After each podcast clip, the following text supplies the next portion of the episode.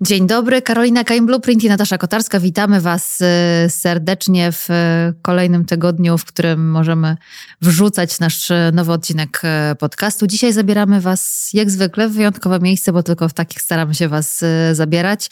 Jest to wyjątkowe miejsce na mapie Warszawy, bo łączy w jakiś sposób przeszłość i teraźniejszość. To miejsce niezwykłe. Dla Ciebie również. Dla mnie zdecydowanie. I myślę o tym, że Odbierając miasto, na końcu widzimy tylko budynek, park, podoba nam się albo nam się nie podoba, a za każdą taką realizacją jest czasami kilka albo kilkanaście, a jak dobrze pójdzie, to i kilkadziesiąt lat myślenia, pracy bardzo intelektualnej, zanim dojdziemy do tej y, fizyczno-budowlanej, koncepcji, które odbijają się między twórczymi głowami. I dzisiaj chciałabym, żebyśmy o takiej historii powstawania nowego miejsca porozmawiali właśnie z kreatorami tej przestrzeni. Partnerem audycji jest finne.pl. To platforma, dzięki której firmy łatwo znajdują miejsce na kolejne biuro, coworking lub magazyn. Tylko zweryfikowane oferty z bezpośrednim kontaktem do właściciela. Szukasz biura? Wejdź na finne.pl/cosmopolitans i zobacz selekcję najlepszych miejskich biur w pięciu kluczowych aglomeracjach w Polsce, przygotowaną dla słuchaczy podcastu. finne.pl/cosmopolitans. Karolina, a jak Twoje doświadczenia z Finne? Super, strasznie mi się podoba, że ten serwis jest niebywale transparentny. I myślę, że to głównie dzięki temu, że za poprawność danych odpowiadają właściciele i to do nich prowadzą kontakty. Więc finne to dla mnie jest y, szybkość, łatwość korzystania i przyjemność estetyczna. Samo szukanie sprawia frajdę.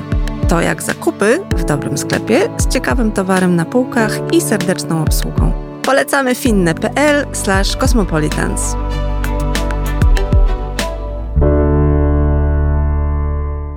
są już z nami. Marta Sękulska-Wrońska i Krzysztof Budzisz, y, architekt partner WXCA.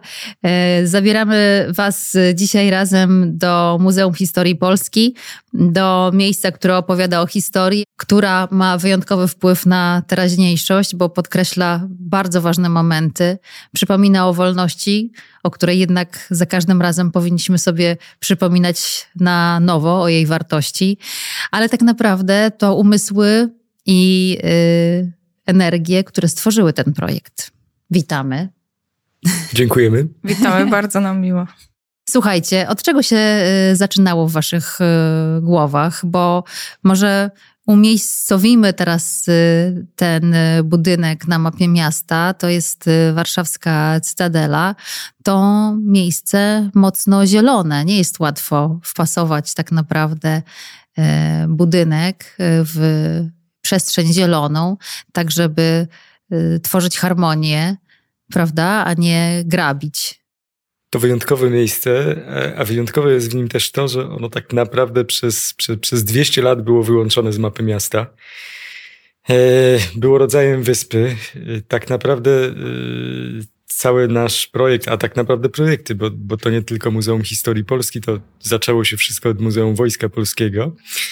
Były trochę pretekstem do tego, żeby ten teren tak naprawdę na nowo włączyć do, do, do struktury miasta.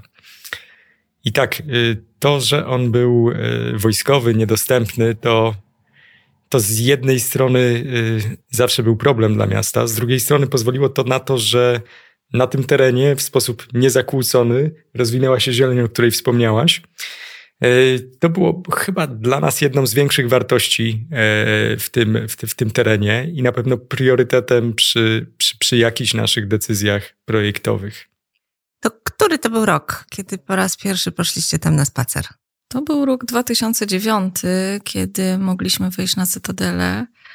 E, a zaczęło się w ogóle od konkursu architektonicznego, bo to jest właśnie też taka formuła wyłaniania najlepszych prac e, wtedy, kiedy e, ta, ten kontekst jest właśnie szczególnie trudny, a on jest tam podwójnie trudny. On on ma nacechowanie historyczne, właśnie ze względu na tą negatywną historię Cytadeli e, dla polskiego narodu, a tą pozytywną właśnie ze względu na umiejscowienie w mieście, bo to jest tuż nad Wisłą, tusz, kawałeczek spacerem od Nowego Miasta, kawałeczek spacerem z Żoliborza i no, niesamowity potencjał, potencjał miasta. Ja pamiętam liczne nasze spacery po Cytadeli do kantyny wojskowej na obiad, e, jak już zaczęliśmy projektować. E, I za każdym razem nie mogliśmy się nadziwić, chociaż znaliśmy już chyba każde drzewo tam, bo przecież je inwentaryzowaliśmy, ale e, nie mogliśmy się nadziwić, jak wielki jest to teren. Że idziemy 20 minut i nadal idziemy na, na skos przez całą cytadelę właśnie do tej kantyny wojskowej. Ile hektarów? 36 hektarów. No. Użyłaś takiego słowa konkurs, co oznacza współzawodnictwo, a wy byliście wtedy młodym zespołem, który wygrał bardzo renomowaną nagrodę w postaci możliwości realizacji takiego projektu. Powiedz, jak czuliście się jako, jako ludzie, jako zespół? E, te emocje cały czas mam, mam w sobie. Ja pamiętam, jak e, koledzy mm, czasami siedzieliśmy razem. To były jeszcze takie czasy, że nasze pracownie się tworzyły. Mm, mieliśmy fantazję, no to zrobimy coś razem. E, siadaliśmy u kolegi w kawalerce, gdzie kto miał na czym siedzieć, to siedział. I, I właśnie koledzy przeszli pierwszy etap tego, tego konkursu. Y, I wtedy już było jasne, że wszystkie ręce na pokład, bo międzynarodowy konkurs, taka szansa. Mm, I, I też pamiętam ten dzień e, właśnie ogłoszenia wyników. Siedzieliśmy na kebabie na przeskok. To takie wspomnienia z miasta. Teraz mamy biuro niedaleko. Całkiem blisko. już A to... tego kebaba już nie ma. Nie ma tego kebaba. E, I pamiętam to poczucie, teraz to trzeba zrobić. E, I chyba właśnie taka dojrzałość architektoniczna, to ta świadomość odpowiedzialności właśnie, właśnie wtedy do mnie dotarła. A średnia wieku zespołu wtedy? Poniżej trzydziestki. No to tak też poważny projekt w sumie. Tak, to też, to też było wyzwaniem i e, no rzeczywiście ten, mm, tak jak w każdą drogę, zastanawiamy się, z kim najfajniej byłoby w nią pójść, tak, żeby jak najdalej dojść i e, stworzyliśmy fantastyczny zespół przez te lata. Też zaprosiliśmy do współpracy na samym początku już mojego e, wykładowcę z Wydziału Architektury, Pawła Grodzickiego, który stał się naszym mentorem, e, przyjacielem, e, kolegą. I mm, też właśnie dzięki jemu doświadczeniu, czyli właśnie y, ta nasza odwaga, śmiałość e, w połączeniu z, z, jego doświadczeniem, no, doprowadziły nas 14 lat później do otwarć tych muzeów.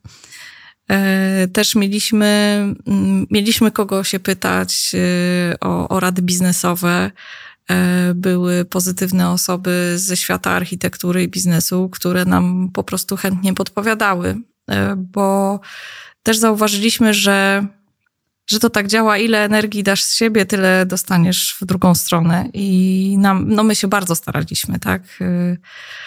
Ja pamiętam, od 7 do 23 się siedziało i, i się działało po to, żeby tą szansę wykorzystać. To o czym jest budynek Muzeum Historii Polski? Nie wystawa, ale budynek o czym jest? Budynek y, tak naprawdę jest, jest, jest opowieścią o historii, jak o procesie. Po jakimś takim dłuższym przyjrzeniu się elewacji, tam y, te takie wszystkie alegoryczne, e, alegoryczne elementy historii e, można w nim zauważyć, czyli liniowość, warstwowość.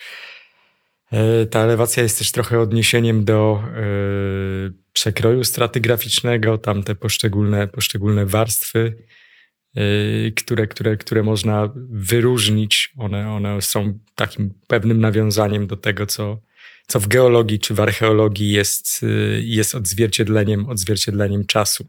A zawsze mnie to ciekawi, czy te wyobrażenia pierwsze dotyczące takich dużych projektów, kiedy już się realizują i materializują, to w tej głowie nadal wyglądają tak samo? Czy ewoluują, czy się zmieniają, czy się myśli, nie, jednak inaczej sobie to wyobrażałem, wyobrażałam. Chodzi ci pewnie o te szkice na sylwetce, no. gdzie Gdzie jest przestrzeń w głowie architekta tak. na takie sprawy? Może powiem, że tutaj w tym wypadku to mieliśmy wyjątkowo e, ćwiczoną kreację i, i wyobraźnię, bo w zasadzie powstały dwa projekty dla tego samego terenu właśnie ten konkursowy, który doprowadził nas e, do pozwolenia na budowę dla całego kompleksu Muzeum Wojska Polskiego w 2013 roku.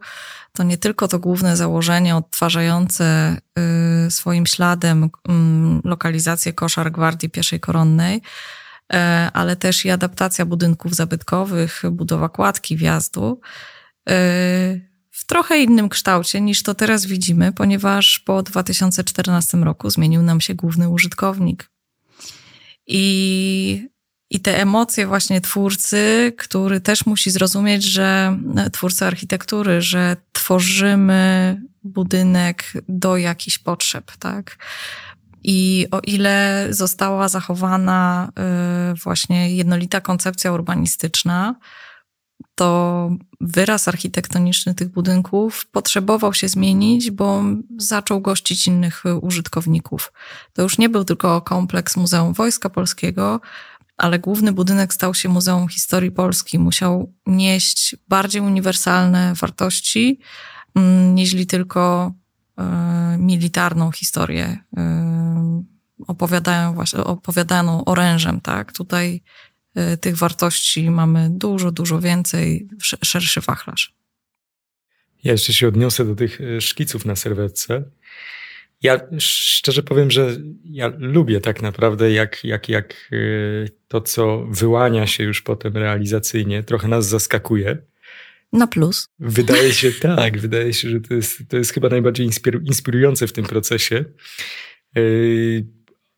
W tym przypadku e, szczególnie tak było, dlatego że pracowaliśmy jakby głównym aktorem w tej naszej opowieści o, o, o historii. E, był kamień, był kamień naturalny, był marmur. E, to jest taki kamień, który, który, który jest jakby niepowtarzalny z każdego bloku, z każdego slabu. Więc, więc ten efekt też kreowaliśmy trochę na bieżąco. Odnosząc się jeszcze do Twojego pytania, czy, czy teraz zrobilibyśmy coś lepiej? Tak, myślę, że zawsze tak jest. Nie chodziło mi, że lepiej, może inaczej, inaczej. czy to rzeczywiście jest tak, okej, okay, dokładnie tak to widziałem w swojej głowie. Ja myślę, że mm, taka pełna satysfakcja y, jakby jest trochę wyrazem tego, że przestajemy się rozwijać. I dla mnie to jest jakby super wartościowe, że widzę, że następnym razem zrobię coś jeszcze inaczej bylibyśmy chyba też bardziej odważni i właśnie taki, tacy śmiali w bronieniu tego, tego projektu na, na różnych etapach, bo zwróćmy też uwagę, że, że architekt jest twórcą, właśnie mm, rysuje to ten budynek, który ma później powstać, rysuje w, w, obecnie w komputerze, tak, ale tworzy go z jakichś rysunków a później y, ten budynek musi się zmaterializować. To jest w ogóle magiczny proces, to znaczy mnie to fascynuje do, do dziś dzień. Natomiast w Polsce jest to bardzo brutalny proces, szczególnie w zamówieniach y, publicznych. Y, I, I tak, szliśmy po prostu z gardą, ale nie zadawaliśmy ciosów. Budynek jest na pewno zawsze efektem jakichś dialogów, kłótni, kompromisów. I teraz mm, pytanie, na ile później je widać w takiej realizacji, czy też może tylko i wyłącznie to oko twórcy jest w stanie wyłapać, że tutaj serce chciało inaczej, a odbiorca mówi, mmm, fajne, dobrze wygląda. Znaczy mamy bardzo pozytywny odbiór tego budynku, także tutaj nie będę mówił o tych wszystkich rzeczach, które siedzą w naszych głowach i które chcieliśmy zrealizować, a się nie, nie, nie, nie wydarzyły, bo myślę, że efekt i tak jest super. To teraz wyobraźmy sobie, że nie miałam przyjemności jeszcze oglądać tego budynku, ale. Z bliska. Z bliska, tak jest. Gdybym się wybrała na wycieczkę po nim, ale tylko i wyłącznie z tym podcastem, a nie z wami, to co byście mi poradzili, żebym w którym miejscu zobaczyła i na co mam zwrócić uwagę? Hmm, ja bym zaczął. Yy, od kamienia. Zacząłbym od kamienia. To znaczy, tego kamienia nie sposób nie zauważyć, bo on jest wszędzie. Ten kamień jest, jest na elewacji, ale jest też we wnętrzu. Sam budynek jest rodzajem takiego monolitycznego bloku, który ma różne otwarcia, które, które, które gdzieś nas w parterze zapraszają do środka. Yy, I właśnie wydaje się, że właśnie ten zapraszający parter jest taką, taką najbardziej yy, charakterystyczną cechą tego budynku. To znaczy, przede wszystkim do tego budynku możesz wejść w dowolnym miejscu. Nie musisz do niego wchodzić, wiesz, na osi od, od, od, od głównego placu. Możesz wejść do niego od strony parku, od strony wschodniej. Możesz po prostu przez niego przejść. Takie doświadczenie dla zwiedzających było jakby dla nas bardzo, bardzo ważne. Tak? Trochę. Yy, wydaje mi się, że zdejmujemy tej, e, tej pompatyczności, monumentalności z tego budynku, e, do której obowiązywała nas ta lokalizacja, bo ten budynek, jak, jak, jak wiesz, jest położony na, na osi Stadeli, na osi e, Alei Wojska Polskiego. To są takie bardzo zobowiązujące, że tak powiem, konteksty. Mm. To ta, to ta otwartość y, parteru, która nas wprowadza, zachęca do eksplorowania. Y, naprawdę możemy wybrać różną ścieżkę we wnętrzu, ale na pewno naszą uwagę przyciągnie hol główny, w, w którym przystaniemy na chwilę, y, spojrzymy w górę, mm, Zachęcam do kontemplowania światłocienia, jak, się, jak właśnie wpada światło. O każdej porze dnia ten hol będzie wyglądał inaczej, bo w suficie na wysokości dwudziestu paru metrów są świetliki, e, które później możemy obejrzeć na dachu. Mm, I, I właśnie ten hol, który zachęca nas, żeby wejść na piano nobile, mm, mosiężną klatką, żeby obejrzeć docelowo wystawę. Na razie ta jednoprzestrzenna mm, wystawa, to znaczy przestrzeń na wystawę jest jeszcze niezagospodarowana, y, ale to się już będzie pomału zmieniać. Y, wystawa będzie miała 7000 metrów kwadratowych. To jest ogromna przestrzeń, wręcz y, no, trudna do przejścia, do doświadczenia, tak na jeden raz. E, I stąd jeszcze taki nasz pomysł, który mamy nadzieję będzie, będzie jakimś smaczkiem przy, przy, przy, przy zwiedzaniu tej, tej wystawy, e, a mianowicie tak zwane kieszenie wystawy. To znaczy, zrobiliśmy kilka miejsc, w których chodząc, eksplorując wystawę, można odejść na bok, stanąć przed wielkim oknem albo usiąść sobie na, na, na, na kanapie. Spojrzeć w dal. Spojrzeć w dal, tak. Dlatego, że jak y, się orientujecie, jakby wystawa, ekspozycja jako taka kłóci się z dostępem światła dziennego, natomiast y, to otoczenie jest y, tak ciekawe i tak chcielibyśmy, żeby, żeby wniknęło do, do, do środka budynku, że staraliśmy się wymyślić jakiś pretekst, żeby, żeby jednak była taka możliwość kontaktu z nim. I stąd te, te, te, te kieszenie wystawy, z których e, każda jest urządzona w trochę, w trochę inny sposób. E, mamy tam rodzaj takiego e, mini audytorium, mamy dwupoziomowe pomieszczenia z antresolą, także zapraszam. Ja te kieszenie odbieram też trochę jako takie kieszenie emocjonalne, ponieważ szczególnie oglądanie trudnych wystaw, tak jak chociażby moja ulubiona Muzeum Historii Żydów y, Polskich, a one aż się proszą o to, żeby w trakcie tego wchłaniania gdzieś na chwilę odejść e, i, i, i trochę rozemocjonować się, ponieważ to napięcie bardzo często rośnie na dobrych wystawach. Tak też, tak też powinno być, ale też mówimy o aspekcie edukacji. Właśnie podstawowym e, zadaniem wystawy jest, jest edukować, jest przekazywać pewne treści. I też, żeby zwyczajnie jakaś treść mogła być zapamiętana, ona musi mieć tą przestrzeń, żeby się ugruntować. E, żeby nauczyciel mógł wytłumaczyć e, klasie, co za chwilę zobaczą, albo omówić właśnie jakieś zjawiska, które zobaczą e, na wystawie. E, te idee mm, w każdym naszym projekcie muzeum, e, czyli właśnie takiej wrażliwości na emocje się pojawia. I w tym wypadku, mm, no jeszcze dodatkowy pretekst tego wejrzenia w piękny park z jednej strony, widok na Wisłę z drugiej strony miasta, e, to znaczy budynku, no daje niesamowite perspektywy. Ja jeszcze dopowiem, że, y, że zwieńczeniem takim odwiedzenia tego budynku na pewno powinno być wyjście na dach. Wyjście na dach, który daje y, trochę nietypowy widok jak na Warszawę, dlatego że mamy panoramę na y, wszystkie strony. Mało jest miejsc, gdzie, gdzie, gdzie możemy z tak bliskiej odległości i jednocześnie z nie aż tak wysokiego pułapu spojrzeć na Wisłę, spojrzeć z dystansu na, na, na skyline e, ścisłego centrum.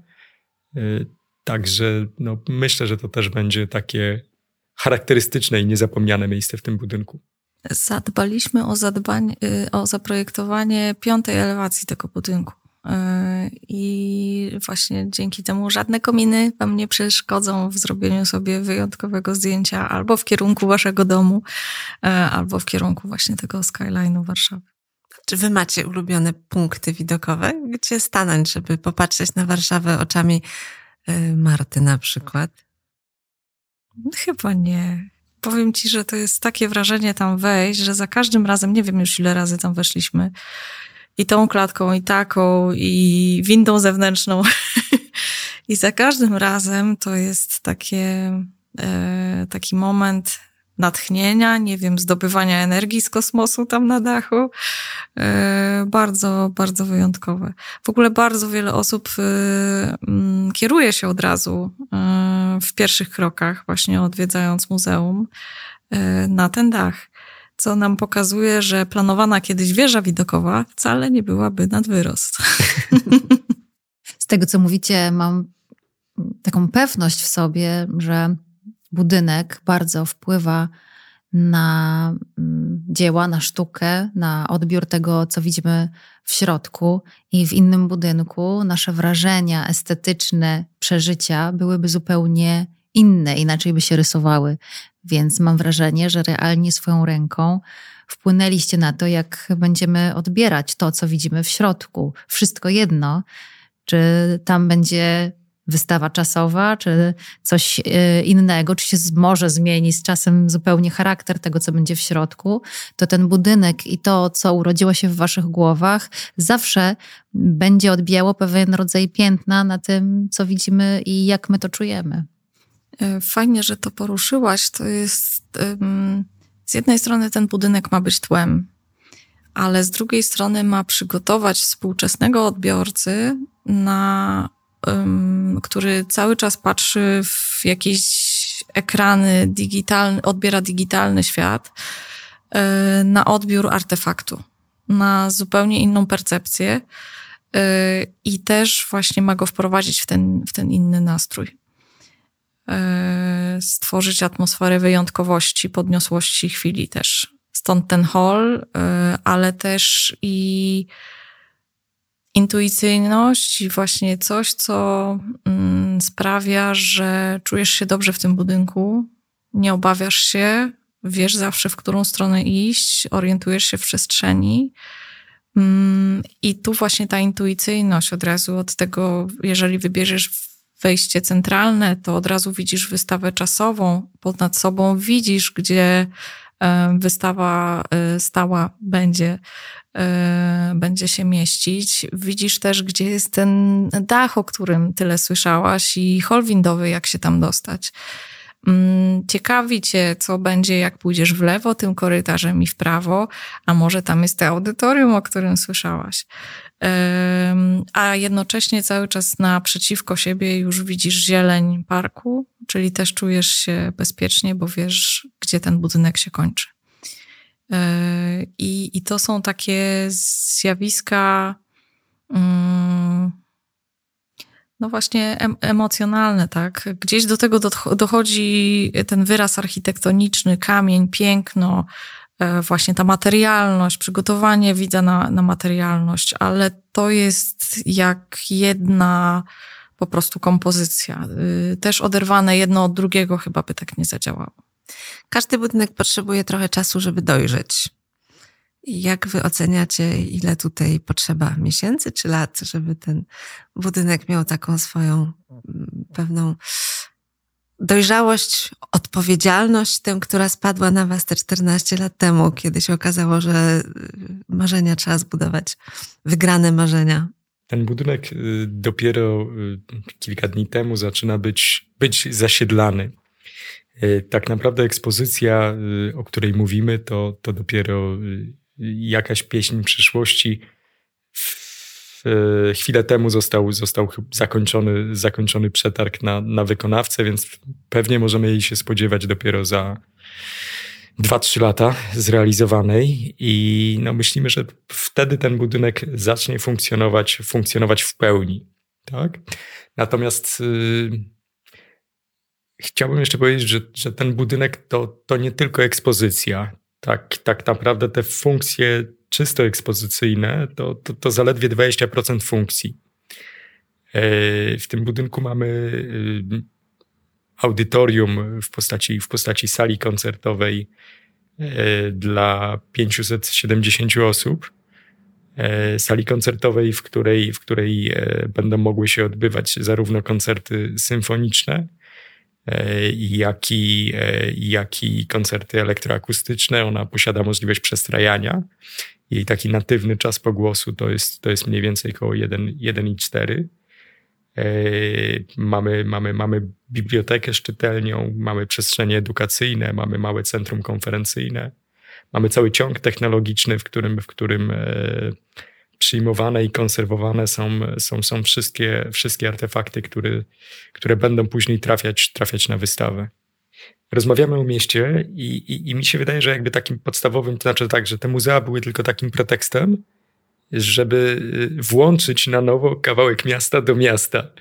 I, i żeby go zszyć, to też było jakieś nie lada trudne zadanie, to znaczy Cytadela jako Cytadela posiada, posiada kilka swoich bram e, zabytkowych już istniejących. To są, to są trzy bramy plus, plus takie wejście przez, przez bramę, bramę straceń, trochę, trochę mniej używane. E, no ale my stwierdziliśmy, że to jest w ogóle za mało, żeby ta przestrzeń mogła funkcjonować. To znaczy, żeby ta tkanka przyjęła się, żeby ona zaczęła, e, zaczęła żyć na nowo, e, to, to potrzeba było czegoś więcej. Dlatego, dlatego zrealizowaliśmy tą, tą, tą taką wielką bramę E, od strony, od strony, od strony Wisłostrady, która, która ma no, z jednej strony być, być e, takim znakiem rozpoznawczym, a, a, a z drugiej strony właśnie przyjmować ten cały, cały, cały największy ruch kołowy. Natomiast brakowało nam jeszcze takiego połączenia pieszego. Stąd powstał pomysł na, na nakładkę pieszo-rowerową, żeby jeszcze w kolejnym punkcie jakby E, umożliwić e, wjazd, wjazd na tą cytadelę. E, w naszym takim wyobrażeniu chcemy, żeby to było takie miejsce, no nie wiem, spędzania czasów, spacerów, miejsce, przez które po prostu można przejść i wyjść na przykład w drodze nad Wisłę i liczymy, że tak to zacznie funkcjonować. Tutaj też ważnym aspektem było to, żeby na samej cytadeli ograniczyć ruch kołowy, samochody, które, które, które wpuszczamy od, od, od Wisłostrady, one wjeżdżają naszą, naszą, naszym tunelem wjazdowym i pojawiają się na terenie Cytadeli tak dosłownie na 150 metrów, żeby potem znowuż zniknąć w garażu podziemnym pod placem. E, więc y, liczymy, że, że będzie to po prostu fajne miejsce dla ludzi. W każdym mieście są takie miejsca zapomniane, które mijamy samochodem na piechotę, rowerem, nie myślimy o nich, nie wiemy, co tam jest. Jeden budynek powoduje, że ponad 30 hektarów staje się miastem. Czy to nie jest wielki przywilej waszej roli? Myślę, że wielka radość, że rzeczywiście udało się odczarować te, te mury cytadeli i one już y, nie są właśnie barierą, y, a stanowią po prostu jeden z wątków opowieści i i chyba to nas cieszyło najbardziej w, w ubiegły weekend, że, że park na Cytadeli stał się parkiem pomiędzy Nowym Miastem a Żoliborzem i, i zaczął po prostu żyć. Ja wiem, że te 30 hektarów to jest dopiero przygrywka do czegoś, co ma ponad 60 hektarów. i odczarowuje jeszcze większy kawał Warszawy. Kiedy będziesz mogła powiedzieć coś na temat tego fantastycznego projektu? Tak, takie projekty potrzebują czasu. I e, zespół WXCA od zadań specjalnych e, z doświadczeniem nieomal militarnym na Cytadeli.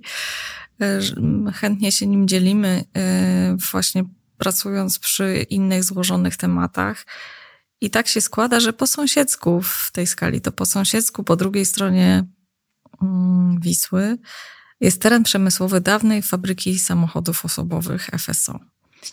E, wyjątkowa możliwość, też wyjątkowy inwestor, Ocam Capital, e, który z wielką odpowiedzialnością za środowisko podchodzi do planowania przyszłego miasta. I sam, sam projekt będzie trwał, trwał jeszcze lata, ale i realizacja to, to również jest plan na 2050. Czyli tu mamy jeszcze trochę czasu na parę nowych podcastów.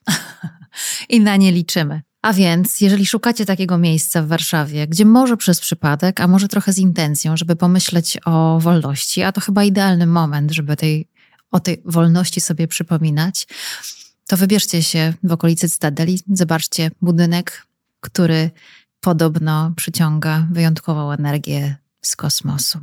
I wykorzystajcie podpowiedzi twórców. Na co patrzeć? na co patrzeć. Bardzo dziękujemy. Marta Sękulska-Wrońska, Krzysztof Budzisz, architekt partner z WXCA. Bardzo dziękujemy. Karolina Kajem Blueprint, Natasza Kotarska. Życzymy Wam dobrego dnia i do usłyszenia. Do usłyszenia. Dziękujemy. Dziękujemy.